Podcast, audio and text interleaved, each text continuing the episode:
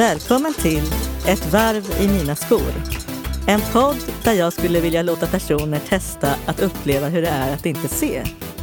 Vad händer när vi förlorar synen som utgör 80 procent av våra sinnen? Jag heter Vispen, är intresserad av musik, mat och att möta andra människor.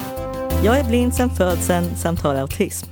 I varje avsnitt kommer jag att intervjua en person som får testa att bli ledsagad och att äta med ögonbindel. Personen får dessutom möjlighet att berätta om sitt liv. Alltså får vi också följa med en liten stund i dennes skor. Så här lät det när jag träffade Christian Olsson som jobbar med Radiosport och är programledare för Karlavagnen.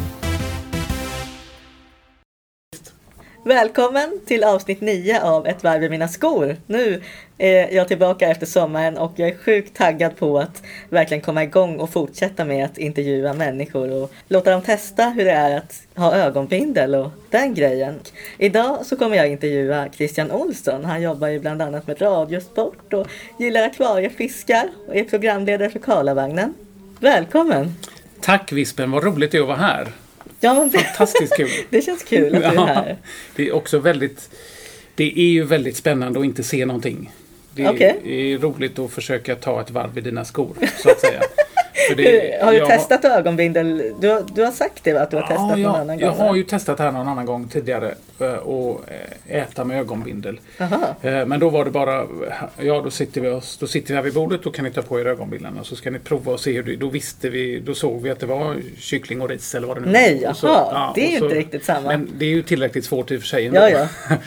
Men så jag har gjort det en gång till. En gång. Minns du vad det var för situation eller var det någon kurs Eh, eller? Ja, det, precis. Det var vid lunchen på en konferens. Jaha. Eh, Eller, vid, eller på en kurs just. Eh, Sådär, för och det är ju det är ju himla, om man nu kan använda uttrycket ögonöppnande så att säga och, och, och få för, försöka förstå. För det är inte, och det är ju en sak att göra det vid, hö, hö, hö, vid en lunch sådär och sen så Ja. kan man gå därifrån kladdig och byta kläder. Eh, eftersom man spiller på sig så mycket. Men så är det ju inte för alla som har det så här. Så är det inte för dig till exempel. Nej, jag har ju varit här. hela livet så Ja. att för mig är det en annan situation. Men... Ja, och det, det kan man ju inte, även om man provar på det så här så inbillar jag mig att man är väldigt långt ifrån att begripa hur det egentligen är. Eh, Kanske det. ja. För det är ju också om man ska få någon riktig helhetsupplevelse då bör man kanske prova en hel dag eller sådär så att man får Ja. prova alla moment. Och Eller hur? sådär. Och snubbla på trösklar här och gå på hundar ute på gatan. Eller att ramla av sin cykel. Så nej, absolut. Jag är väldigt ödmjuk och glad för att jag får lov att vara här. Ja men det är jättekul. Och så är jag lite hungrig också så det passar Ja, perfekt. eller hur? Ja. Det är ju hur bra För som det är väl helst. riktig mat som kommer? Eller är det... Det får vi hoppas på. Ja.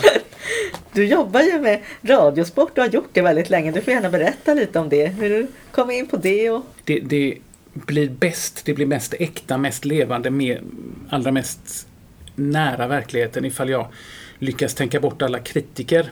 Man har en inre kritiker med sig hela tiden.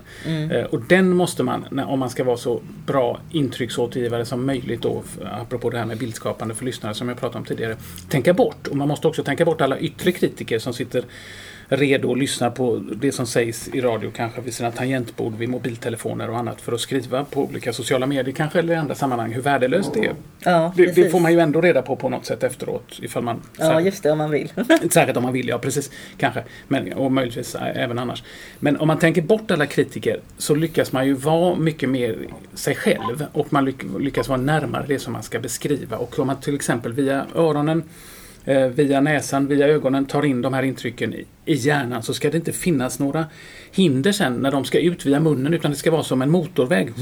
Det kommer in och det kommer ut. Man ska säga det man ser. Eh, Ja. eh, Med såklart förolämpningsfiltret intryck sådär och man får inte ta politisk ställning och man ska inte vara dum sådär men det Alltså man ska, man ska, däremot så ska du inte tänka på vad du bör säga och stå och lyssna på vad du säger hela tiden för då då hakar upp dig, då fastnar du i det och då blir det inte lika levande och inte lika bra. Men hur kom du in på det här med radiosport? Har du alltid varit intresserad av sport sedan du var liten eller? Eh, ja, det har jag varit. Jag har alltid, och är fortfarande var, jag har alltid varit sportintresserad intresserad, och är fortfarande det då. Men nu jobbade jag med min inre kritiker där, som du hörde. Och lys- lyssnade på vad jag sa och tog om det för det. Ja. Ja, nej, men jag, jag har alltid gillat sport och gör det fortfarande. Och eh, hade, ska, Ja, men jag kan berätta. Jag har jobbat i 25 år ungefär Ja. på Radiosporten. eh, Eller på radion överhuvudtaget. Och jag hade ingen aning om då att man kunde jobba där. Jag lyssnade mycket på radio. Den stod ofta på där hemma där jag växte upp. Det var massa nyhetssändningar och det var sjöväderrapporter och det var börsnoteringar och annat sånt som var lite, lite rabblande och kanske inte så mycket liv som jag försökte berätta om tidigare då. Ja. Utan bara massa fakta, tabellupprepningar. Vinga, tre meter i sekunden. Ja, just väst- det. sydvästlig vind. Ja. Doggers bankar, ingen uppgift. Alltså sådär. Eh, eh, och sen, och, fast det hade jag då ingen tanke på att det där ska jag ta itu med och förbättra. Verkligen inte sådär. Eller förändra. Utan eh, en gång så skickade min, min brorsa, som är tre år yngre och heter Klas in en ansökan i mitt namn att jag ville börja jobba som frilansmedarbetare på den lokala sporten på P4 Göteborg, där Leif Loket Olsson var sportchef då. Vet du vem Loket är, Olsson? Ja, Bingolotto. Ja, jag vet ju. mustasch, glasögon, trivselfarbror. Ja. Kan allt, känner alla. Ja, men, ja. Fenomenalt bra på att prata med folk. Ja, han kanske, honom kanske man ska intervjua. Honom ska du intervjua. Det kommer att bli fantastiskt roligt Ja. och, och, och innehållsrikt. Eh, och då var det han som sa att vi behöver hjälp här nu. Jag och Janne Ingrid och Pelle Johannisson tror jag det var som jobbade där. Vi kan inte göra allt. Vi har så mycket handboll, som, så många handbollsmatcher vi ska bevaka. Det var det de gjorde i första hand för det var det de gillade mest. Eh, och då tänkte inte jag alls på, för jag hörde ju inte detta utan det var min brorsa som hörde det. Han ville bli av med mig hemifrån. Han ville ha mer tid med GPs sportdel gissar jag. Så han skickade iväg mig på den här anställningsintervjun. Och det verkade ju ganska kul tyckte jag. Så, och så gick det då 400-500 som sökte.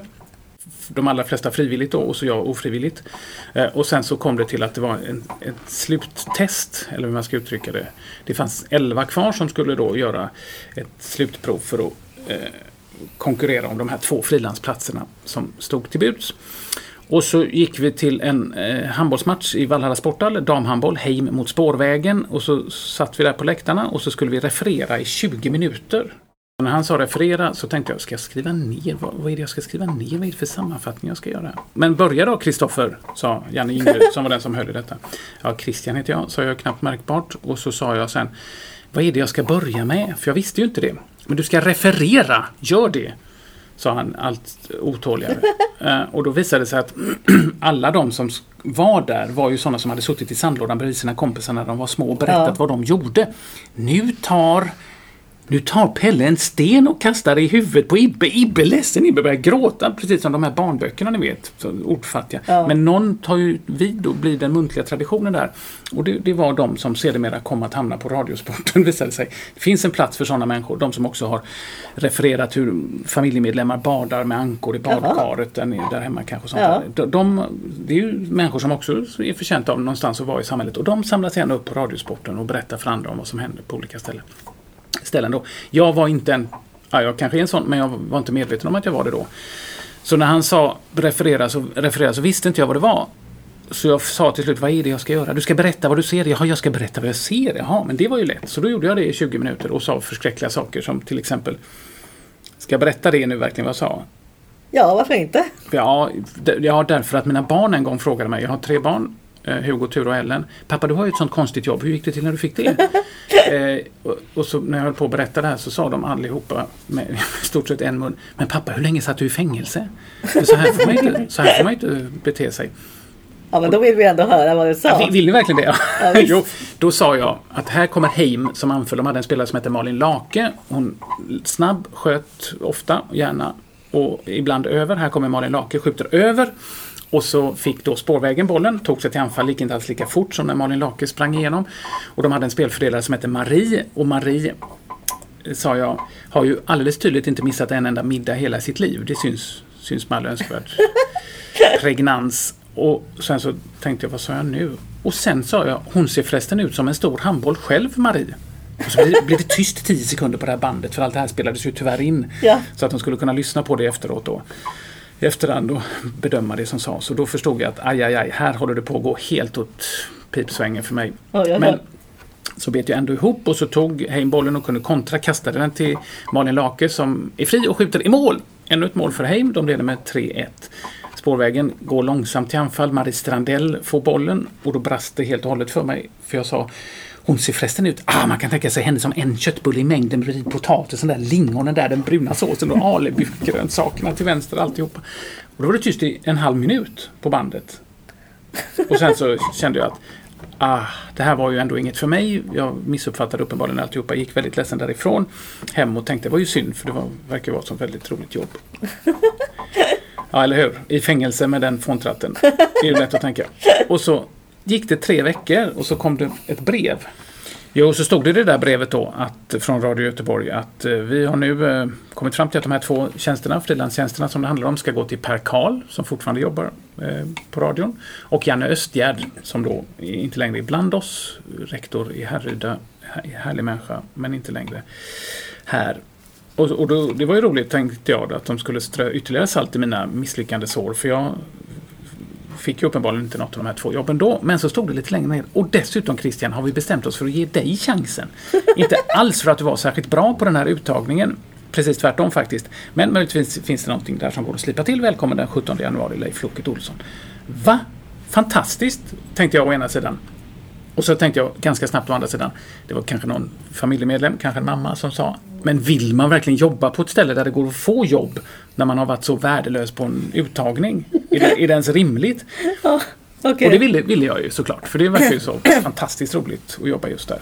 Så på den vägen är det, snubblandes och hoppandes.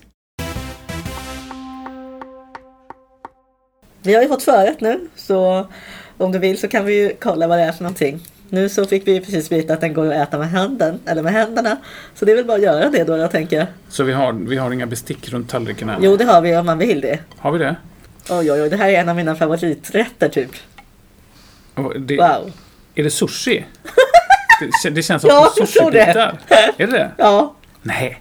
Gud vad gott, det är ju en av mina favoriträtter också. Jäkligt. Men det här håller på att falla sönder, men okej, in med den biten. Det är därför man kan äta med händerna, det är bara att ta upp, eller Oj, bara säga, men det är, då känner man ju verkligen vad man Sallad. har grejerna. Mm.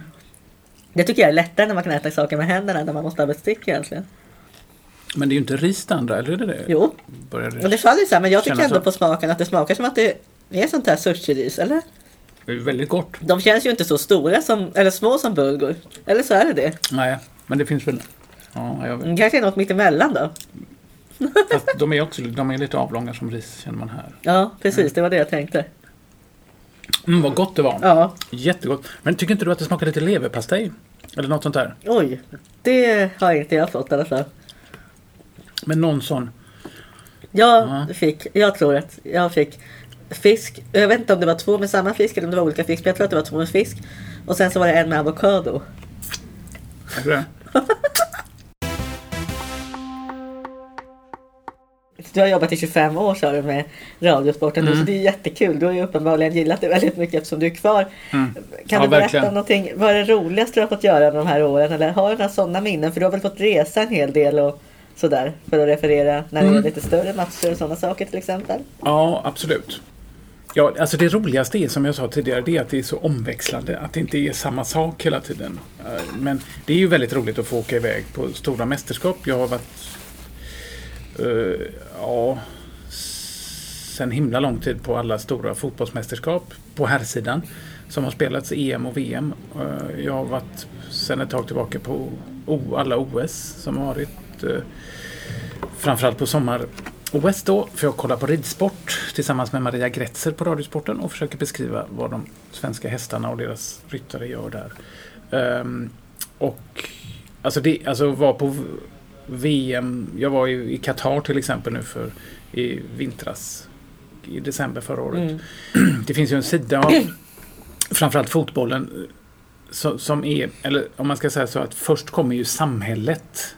Sen kommer ju fotbollen i det här samhället. Alltså livet på en plats eh, tar ju åt sig fotbollen som en slags kulturyttring, eller hur man ska uttrycka det. Och där har ju fotbollen en sån jättestor fördel att den finns över så väldigt stora delar av världen. Så man har, om man kollar på fotboll och följer lag och spelare, stora möjligheter, lyxiga sådana, att få se stora delar av världen och få komma till olika kulturer och olika samhällsskick. Och fundera över demokrati och fundera över människors rättigheter och gästarbetare och vad ett liv är värt för en en väldigt rik eh, människa i Qatar när det ska byggas ett stort hus med förgyllda fönsterbågar och minareter eller lökupoler i guld. Samtidigt så kostar det då flera kenyanska gästarbetare livet som är där för att få tjäna pengar ja. för att kunna försörja sin 11 personer starka familj hemma i armodets Kenya, för att ta ett påhittat exempel. Men strukturen är ju ändå den. Och där, där är ju fotbollen en sån kraft. Så att den, i och med intresset kring den, i och med de väldiga resurserna som satsas på den för att det finns ett stort reklamvärde eh, totalt sett hur marknadskrafterna griper kring sig där väldigt tydligt. Så, så kommer man ju till många olika ställen och det är egentligen det allra mest fascinerande tycker jag. Alltså att man, om, om, man, man kan inte till slut bara tänka så fotboll, fotboll, rulla, rulla, mål, mål, klackspark, tunnelpassning, eh, press, gör mål. Jag har till exempel varit tre gånger, jag, jag är säkert fortfarande högt upp på listan över svenskar som har varit eh, flest gånger i Moldavien, Europas fattigaste land vid Ukraina, Aha. Svarta havet. Aktuellt nu med Rysslands invasionskrig i Ukraina då. Okay. De skickar mycket bomber mot Odessa, en stor, eller har gjort i alla fall, en stor hamnstad i Ukraina, ligger väldigt nära eh, Moldavien då. Som ligger ovanför mm. Rumänien i den delen av världen. Väldigt fattigt, inga naturtillgångar, en del av gamla Sovjetunionen där de byggde traktordäck och Eh, Eh, andra sådana eh, saker som det visade sig att ingen egentligen ville ha sen när fabrikerna var det som blev kvar när Sovjetunionen upplöstes. Så då fick de då upptäcka att de inte hade några, några naturtillgångar egentligen. Ägna, fick ägna sig åt eh, lantbruk, odla vin och sådana saker. Och hoppas att de en gång skulle kunna få det så bra som de har i Rumänien. Som ju vi många tycker är ett väldigt fattigt land. Ja. Eh, till exempel. Och det, det, det hade jag aldrig kommit om inte jag hade haft det här jobbet. Faktiskt aldrig hade jag åkt till Moldavien. Jag har varit i Sydamerika mitt inne i Amazonas djungel två gånger i Manaus. Ja. Staden som ligger där, där de utvann gummi ur träden mm. i slutet av 1800-talet.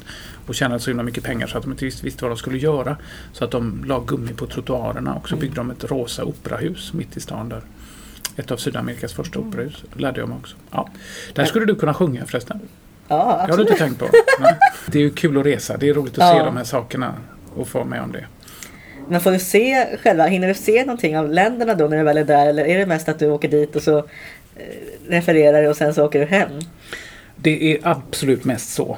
För att det är ganska snålt tilltaget med tid och ja, det precis. viktigaste för att skicka mig dit är ju inte att jag ska få uppleva Nej. Manaus egentligen mitt i Amazonas djungel där två stora floder flyter ihop och blir Amazonasfloden. Rio Negro och en till. Ena flodens vatten är brunt, andra är grönt. Jättehäftigt när det blandas. Eh, men ja, lite tid har man ju ändå att se det. Men tyvärr inte så mycket som man skulle vilja ha. Nu händer det något. Nu kommer mat. Jo. Nu kommer det mat. Tack så mycket. Ja, jag fick två tallrikar. Va? Fick jag inte det? Nej, här är... Nej, det är en skål. Aha, det är olika saker kanske då ja. på tallrikarna. Mm. Ja, det här var intressant. Kan man äta det med händerna också? Nej, jag tror att det är bra med bestick kanske. De har inte sagt något, men jag chansar på att bestick är bra. Vilka bestick? Har vi det De här? ligger på sidan om tallriken. Till höger kanske. Här tar bordet slut. Det kanske är här. Eller till vänster. här är en... Plötsligt, jag vill dra upp det som pasta. Ja. Varför vill jag det? Det här är ju... Mm, det är ju någon slags skaldjur va? Något gocko va? Det var jättebra. Mm. Det här. Vad sjukt det är när man vet inte alls hur länge man ska snurra gaffeln för att få upp... Nej, alltså det, jag kan ju sitta här och snurra lite och så, sen så känner man ju att den är lite tyngre och man får Ja, liksom det är, precis. Normalt sett ser man ju det, inser jag nu. Det har jag aldrig tänkt på. Ja, men jag förstår ändå att du fick det där jobbet med Radiosport för du har ju inga problem att prata och prata om lite allt möjligt och sådär. Brukar du, men lär du dig namnet på spelarna eller ser du det när du refererar eller improviserar du också mycket i stunden av det du ser bara sådär liksom? Eh, ja, jag skrattade när du sa improvisera för det görs ju det. det alltså, I radio är det kanske inte alltid just hon som får sitt namn nämnt som verkligen har bollen. Mm. Men det är ju någon i, i det laget oftast. Men alltså, i, i, tv kan man ju inte schabbla med det utan där, där ser ju alla mm. som ser då. Mm. Men i radio så är det, är det, det är ju i grundläget viktigare kanske om man följer sjok av en match där, vilket lag som har bollen och var på planen ja. är och vad de gör. Mer än vilken individ det är som gör det. Ja, men, men ofta är det de här individerna som, som är avgörande. Som ju har bollen ganska mycket mm. om ni snackar fotboll. Men det är också de som är värda att nämna vid namn. Ja. För det är ju de som är lite extra sådär. Ja, men precis. Konstnärerna, mönsterbrytarna, vad det, ja. vad det kan vara. För du brukar ju vara en av de som verkligen pratar lite, ganska mycket runt omkring. Jag har ju lyssnat lite på sport och sådär, hur, hur ni refererar eller sådär. Och då, det är så olika vad man har för stil och när det är du, då vet man ju att nu kommer det komma väldigt mycket kommentarer också kring, inte bara kring själva spelet utan också runt omkring. Och jag vet ju att människor som jag har pratat med, det verkar som att antingen älskar man dig eller så tycker man att du är ganska störande för att du inte refererar jättemycket till, de är bara intresserade av liksom vad pucken är eller vad bollen är. Ja, någonstans. men eller hur. Det hör jag väldigt ofta också. Men följ då bollen. Det är ju därför du är där. Och håll inte på att säga en massa vad de har för färg på sina skor eller hur frisyren ser ut eller vad det är för väder. Det är ju helt meningslöst ointressant om det är en mangofärgad tröja eller om det är en blåbärsgrön målvaktsutstyrsel. Men för- för de som det är ju de som egentligen inte har fattat vad radio är då, det som jag har pratat om tidigare, som säger så. För det, men, men det är klart, jag ska ju, eller vi ska ju följa, som jobbar med detta, ska ju följa bollen också, ska ju berätta Mm. vad som händer. Men jag inbillar mig att man kan göra både och, att man inte måste vara, Ja.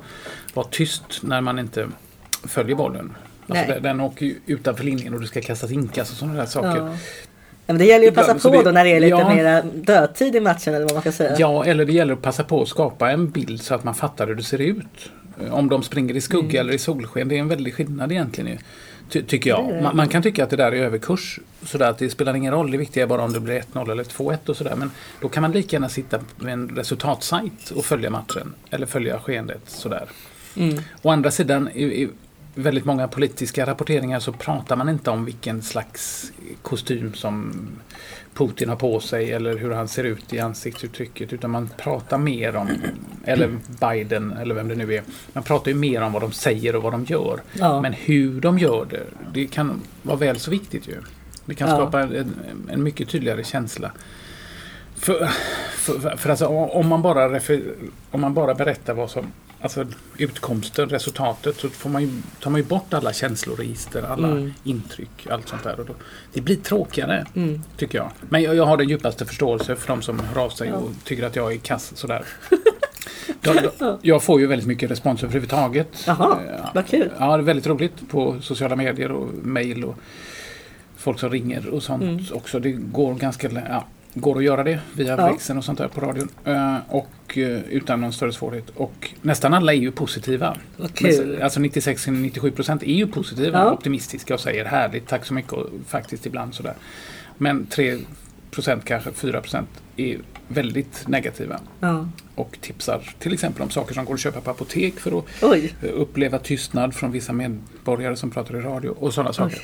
Ja. Och det är tufft att ta Okej. ofta. Och det också konstigt att det är det som man fokuserar på. Eller jag gör det i alla fall. Det gör säkert inte alla. Det negativa. Ja, eller hur. De är så enstaka få jämfört med de andra. Ja. Ganska många då. Men ändå, det är det som jagar och äter en apropå. Ja, det är lätt att det blir sådär tyvärr. Ja, jätteirriterande är det. Det är synd. Det är synd och dumt för man, blir, man är bara taskig mot sig själv. Bara för att de är taskiga mot mig så behöver inte jag fortsätta vara taskig mot mig. Utan jag kan ju försöka bortse från det och lyssna på de andra istället. Ju. Ja. Ja. Men är det något som du ser som, är det svårt då? Eller hur, fick du, hur blev du när du väl hade kommit till radio? För du berättade om din, hur du kom dit och allt sånt där. Att de tyckte ju inte att du var så jättebra då, på själva ansökningens, vid ansökningstillfället. Men hur, hur gick det sen när du väl kom dit? Fick du liksom någon introduktion? Eller hur har du lärt dig sen hur du ska sköta allting då? Nej, jag tror att alltså i början var det förfärligt dåligt det som gjordes. Um, framförallt av mig. När jag började sådär. Men vi började ju samtidigt, jag och Per och Janne då. Och efter några månader så hade vi när vi kände att vi hade plågat människorna runt Göteborg då, det var ju som tur var bara de som kunde höra det vi gjorde tillräckligt mycket, så sa vi till Loket, Leif Loket Olsson, som var programledare och hade så lätt för allting och kunde prata med vem som helst och göra vad som helst och få till allting och åka vart han ville och allt sånt där. Att i radiosammanhanget då att Alltså, det, det här var då en söndag. Vi jobbade ju nästan mest, eller vi jobbade ju bara söndagar inledningsvis. Och Leif hade en ritual inför varje sändning att han satt i radions lunchmatsal med en väldigt stor sån här nötbit. Alltså, alltså inte, eller heter det lövbit heter Ja. det. Alltså inte lövbiff, utan Nej, lövbit. Det är en annan sån här köttprodukt, sammanpressad historia som Okej. kanske inte är den allra, allra mest, om man nu graderar kötts kvalitet, men den allra mest högstående. Men han åt lövbit och ett berg av pommes frites. och så en sjö, en smärre insjö av bearnaisesås. Okej. Som han lät allt detta simma omkring i innan han tryckte in det i sin mun. Och så hade han en, ja, en liten tomat längst ut där på kanten på tallriken som en slags bevis för att han minsann åt från alla delar av kostcirkeln. också. Och, så, och så, så vräkte han i sig allt detta och så fastnade bearnaisesåsen i hans mustasch hela Ja. tiden. Och så torkade han av den med en näsduk, en, en pappersnäsduk, servett. Och det var alltid exakt likadant varje Mm, dag. Och han okej. åt obegripligt mycket Mhm. lövbit och pommes frites. och så när han satt och gjorde det där och det var en kvart kvar till sändning så sa vi, jag, Per och Janne vid ett tillfälle en söndag att Leif, mm, vad är det? Så han, mm, vilken god lövbit. Mm, och pommes frites. Ah, idag överträffar de sig själva på gatuköket. Underbart. Vad är det? Vad är det killar? Roligt idag va? Ut och göra massa jobb, eller hur? Eller är ni klara? För man börjar ju ibland lite tidigare och åkte ut och spelade in saker. Och gjorde inslag som sen spelades upp när programmet väl började. Nej men vi tänkte på det Leif, för att det går ju så jättedåligt för oss. Vi måste ha någon slags utbildning. Sa vi, vi kan inte bara hålla på och tramsa runt så här för det blir ju olidligt för de stackarna som betalar radio och tv-licens och ska tvingas höra det här. Den här rappakaljan som vi håller på med. Mm. Och då torkade han lite bearnaisesås igen ur sin mustasch, lutade sig tillbaka och la besticken i kors där. Nu har jag ätit färdigt, nu är det bara ungefär sju hektar pommes frites kvar. Jag orkar inte alla dem. Sådär. Eh, han åt väldigt mycket, sa jag det tidigare? Ja, Ja, det sa du. och det var väldigt, tyckte det var väldigt gott. Ja. Och så lutade han sig tillbaka och tittade han på oss och så sa han, ja men killar, det här jobbet det, det är ju nog ett sånt jobb som är på det viset att antingen kan man det eller så kan man det inte. Det går inte att lära sig det här. Nej, tänkte vi. Och gick slokörade därifrån och tänkte att då är vi, vilken otur då att vi alla tre är i den där kategorin som inte kan det här jobbet. Det går aldrig kommer att kunna lära oss det heller. Utan det var det, var det han sa. Han, han tipsade aldrig om någonting Mm. i stort sett. Utan han bara höll på och körde på sitt sätt. Mm. Och så lärde man sig av honom. Alltså exempel genom görande sådär. Genom exempel by doing eller vad det heter Ja. Ja. En annan sak som du gör som jag tycker är så himla kul som jag skulle vilja göra någon gång i framtiden det är att du faktiskt leder Karlavagnen vissa dagar. Mm. Och det idag, får du gärna berätta om. Ja precis. Karlavagnen är ju det är ju ett av de äldsta programmen på Sveriges Radio i Sveriges Radios utbud. Det har funnits sedan 1983. Och det går ju ut på att man som eh, lyssnare får reda på vilket telefonnummer det är som gäller. Och, så Ja. ringer man, och det är alltid samma. Och så ringer man det telefonnumret in. Och så pratar man med programledaren om det aktuella ämnet som då finns och som gärna ska vara just aktuellt. Det vill säga det är inte samma ämne hela Nej tiden. precis. Alltså inledningsvis under Karlavagnens kanske 15-20 första år så var det väldigt ofta ämnet är fritt. Prat, ring in och prata om precis vad du vill. Och då blev det förhållandevis ofta så att folk ringde in och, eller kanske till och med så att varje program hade ett samtal som var på temat Försäkringskassan förstår mig inte längre. Jag måste ha mer pengar. Jag klarar mig inte. Hur ska jag kunna försörja min katt, mina fåglar, mina Oj. barn? Alltså, Men då har det blivit ännu värre nu för den Försäkringskassan har ju blivit ännu hårdare nu. Då Ja. var det väl ändå snällt jämfört med nu. Så att, ja. Precis, men, och, och det är ju, viktigt naturligtvis. Men det, det kanske inte finns något jättestort allmänintresse egentligen. Alltså att det är ju ändå många hundratusen som lyssnar på det här programmet. på är det det kvällen. alltså? Ja, Okej. börjar 2010 och håller på till midnatt i Sveriges Radio P4 i grundläget. Ofta, eller ibland ändras starttiden för att sporten som sänder före ska kunna bre ut sig och sända färdigt. Men det är kul. Jag trodde inte det var så många lyssnare. Jo, det är jättemånga lyssnare. Ja. Eh, och, eh, eller det är, nog, det är runt en halv miljon varje Aha. dag. Ja. Oj oj oj. Eh, och ibland är det lite fler och ibland är det lite färre. Ja. Men det är vad jag förstår. Jag har inte jättekoll på lyssnarsiffror. Nej. Men det är ett sånt program som är, är hyggligt bra på att behålla sin, sina lyssnarsiffror i alla fall. Mm. Det är en ganska tydlig ritual för många människor tror jag att man har på Ja. radion och så går man och lägger sig. Och Ja sen men så, exakt. Ja, somnar man helt enkelt. Karlavagnen är ju det program som absolut flest medborgare somnar till varje dag. Oj oj oj. För att det är så tråkigt. Jaha. Nej, det är, ju faktiskt, det är ju inte därför utan det är för att det sänds. Eller ja, det kan vara därför. Men mest är det nog för att det sänds så sent. Ja.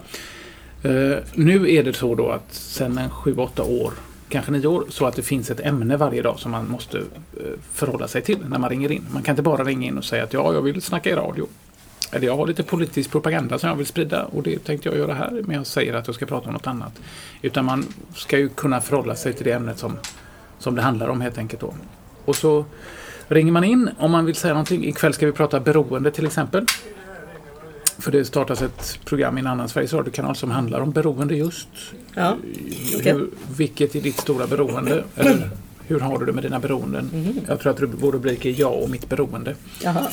Och det finns ju en väldigt massa olika saker man kan vara beroende av. Alltså man, man behöver inte kalla det en last, men ofta är det väl kanske det då Ja. som det kallas. Men man kan ju, jag är ju till exempel beroende av ha, att ha akvarium hemma för Ja. att må bra. Till exempel. Det är ett slags beroende. Jaha. Men annars är det väl vanligt att man är sockerberoende, att man är nikotin, alkoholberoende. Mm. Man kanske knarkar. Och hur har man tagit sig ur det här då? Om man nu har bestämt sig för att göra det. Ja. Ring- in och berätta om ditt beroende. Och så gör man det, tänker att jag ska banne mig höra om mig och berätta när jag slutade snusa. För det kanske andra kan lära sig av. För det, Ja. det var en sån stor seger för mig. Eh, Och så ringer man då telefonnumret 020 22 10 30 och så pratar man med dem i växeln, i telefonväxeln, i Slussen. Och så gör de en första bedömning om den här människan verkar rimlig. Och så verkar det så, så skriver de ner vad, vad det är för telefonnummer som vi kan ringa upp igen på och vad de personen vill prata om då, vad den heter och hur gammal den är. För det är viktigt att ha till sändningsstatistiken då. Sen raderas alla sådana uppgifter efter varje program Mhm. i, enligt GDPR. Eh, och sen så är, finns det då en människa som är producent för Karlavagnen som har varit med och kommit fram till vilket ämne det ska vara och som då kollar alla som har skrivits in och de i telefonslussen som människor som har ringt in och som kan tänka sig att prata om det aktuella ämnet utifrån de här eh, vinklarna då. Ja. Och så ringer producenten upp och pratar med personen igen. Det är alltså en andra gallring som görs där kan man säga. Ja. Först telefonslussen, sen producenten. Och producenten tar det avgörande beslutet. Kan den här människan vara med och berika sändningen? Ja. Och då ringer vi upp och så kopplas personen in. Skicklige teknikern Peter lägger in eh, den i bordet och sen så kan vi prata. Ja. Jag då i min roll som programledare. Och då är det ju nästan alltid så att personen vill prata om det som hen har sagt att hon eller han ska prata om. Men det händer ju ofta också att de känner sig lite eh, nervösa. Lite anfrätta av stundens allvar. Kanske har tutat i sig lite, lite punch eller något sånt där för att känna att ah, nu ska jag prata i radio, måste jag, sta- ah, jag tar en till. Och, så. och det, det händer nog i alla fall vartannat program. Tidigare, tidigare kanske det hände oftare för att det inte var lika noggrant med vilka som släpptes in om man uttrycker sig så. Kanske, slarvigt sagt såklart. Men, ja. Du får gärna berätta om dina akvariefiskar då, som du berättade om förut. För du sa ju det här med beroende och du är beroende av dem. Ja, jag är beroende av har, har jag ju förstått av att ha akvariefiskar. För att jag, eller, jag, men det är nog något slags beroende då, ändå. För det är ju, är ju något så lyxigt och tycker jag fint som en hobby. Ja. Så, som jag har haft sedan jag var tio år ungefär. Jag tjatade som alla barn och jag, föräldrarna sa nej, nej, nej, du får inget djur.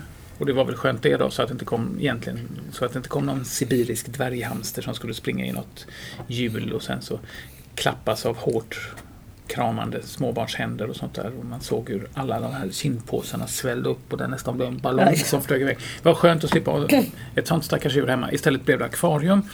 Och det tyckte inte jag alls var särskilt roligt. Så efter ett halvår när mamma tröttnade på att sköta akvariet, för det var inte det hon önskade sig av livet just då.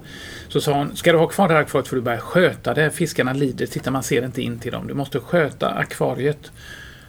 Ja, och då började jag göra det och så blev jag fast. Tyckte det var så otroligt roligt att sitta och titta på fiskarna och hjälpa dem och försöka göra det bra för dem. Byta vatten, putsa in trutorna, plantera nya växter som hade, någon hade lossnat kanske. Se när fiskarna fick yngel och gud vad vad spännande, vilket naturens mirakel. Till exempel guppy, en otroligt vanlig fisk. De- De är ju, är ju ett sånt släkte där ynglerna, alltså äggen som ynglerna är i, kläcks ju inne i mammans mage. Mm. Så när ynglerna föds så är de ju levande och Ja. kommer ut och redo att klara sig. Och det har de kommit fram till genom evolutionen, alltså människans utveckling över andra arter och andra arters utveckling över andra enligt Charles Darwin. Att han, evolutionen, ni vet, att människan klev upp i vattnet som groda en gång i tiden. Alltså arterna har utvecklats ur varandra. Då är ju, det är ju jätteroligt att se hur fi- fiskar som man kan ha i akvarium, hur de har valt att eh, anpassa sig till, till verkligheten när det gäller att föra släktet vidare. Vilka vägar de har valt för att ge så många yngel som möjligt chansen att klara sig. Det har jag nog snurrat in på lite grann. Alltså att od, odla fiskarna. Mm. Försöka göra det så Man inbillar sig i alla fall att det är det man gör. Eh, Så trivsamt som möjligt för firrarna. Försöka efterlikna deras naturliga förutsättningar när det gäller vattenkvalitet, vattnets beteende, om det är snabbt vatten som forsar förbi eller lugnt vatten, växtlighet, eh, temperatur, vattenvärden i övrigt. Då. Eh, Så att de ska kunna finna sig så väl till rätta så att de fortplantar sig, att de får barn. Ja. Och där, då är de ju svåra med detta i olika grad, fiskarna. Och just nu har jag svart och vitrandiga eh, malar som blir 10-12 cm långa, kommer från Sydamerika och är fantastiskt vackra och utrotningshotade för att de är så begärliga. Det är så många som vill eh, ha dem så de smugglas ut ur Brasilien. Jaha. Och de, de är dessutom utrotningshotade för att det har byggts en ny damm i deras livsmiljö så att deras flöde kommer nog kanske att tas bort. Ja. Så de är roliga att hålla på med. Och ja, jag har haft akvarium i 40 år och det är lätt att kliva in i den bubblan och sitta och njuta framför ett konstverk i ständig rörelse som Ja. ett akvarium är. ja, men det låter sjunker. väldigt fascinerande om man är seende, att man kan uppleva massa färger Ja, och eller hur? att de... Det inser jag nu att det, det är ju absolut ingenting för de som är synskadade egentligen. Eller kan det vara det? Man du? kan ju tycka att det är trivsamt att höra kanske vattnet och ljudet av vatten och ljudet av plask och sådär. När fiskarna rör sig. Jag vet inte hur mycket man hör Ljudet av det. plast. Plask. Plask, ja. Inte plast. Ljudet av plast, plask hör man ju ibland. Ja men det kanske man kan tycka är lite rogivande och Ja. sådär. Men- Eller pumpen som skvalar runt vattnet. Så det Ja. kanske ju är mest det. Ja, om det är någon som skulle vilja eh, komma i kontakt med dig eller så efter det här, hur gör man då? Mm. Då ses vi på Stibergstorget. Nej, men, Ja, det är mysigt. men, man Torg i kan, Majorn. men eh, sociala medier är, jag- är jag aktiv på. Ja, Eh, Instagram till exempel. Ja. Facebook. vad heter du där då? Där heter jag Radio Christian O. Cristiano. Okej, Christian. på Instagram alltså. Ja, Radio Cristiano i ett ord. Ja. Helt enkelt. Och så Christian Olsson på Facebook, eller hur? Ja, precis. Stort tack för att du gästade min podd. Ja, tack så roligt att få lov att vara här Vispen. ja. Tack så mycket. Tack så jättemycket. Ja, vad kul Vi det var. hörs igen och ses. Ja. Skulle du också vilja uppleva en måltid utan syn? Eller har du förslag på någon som du skulle vilja höra en intervju med? Kontakta mig på vispen. Ljudtekniker och producent i dagens avsnitt var Johan Lejon och Rickard Ferreira. Stort tack för att du har lyssnat!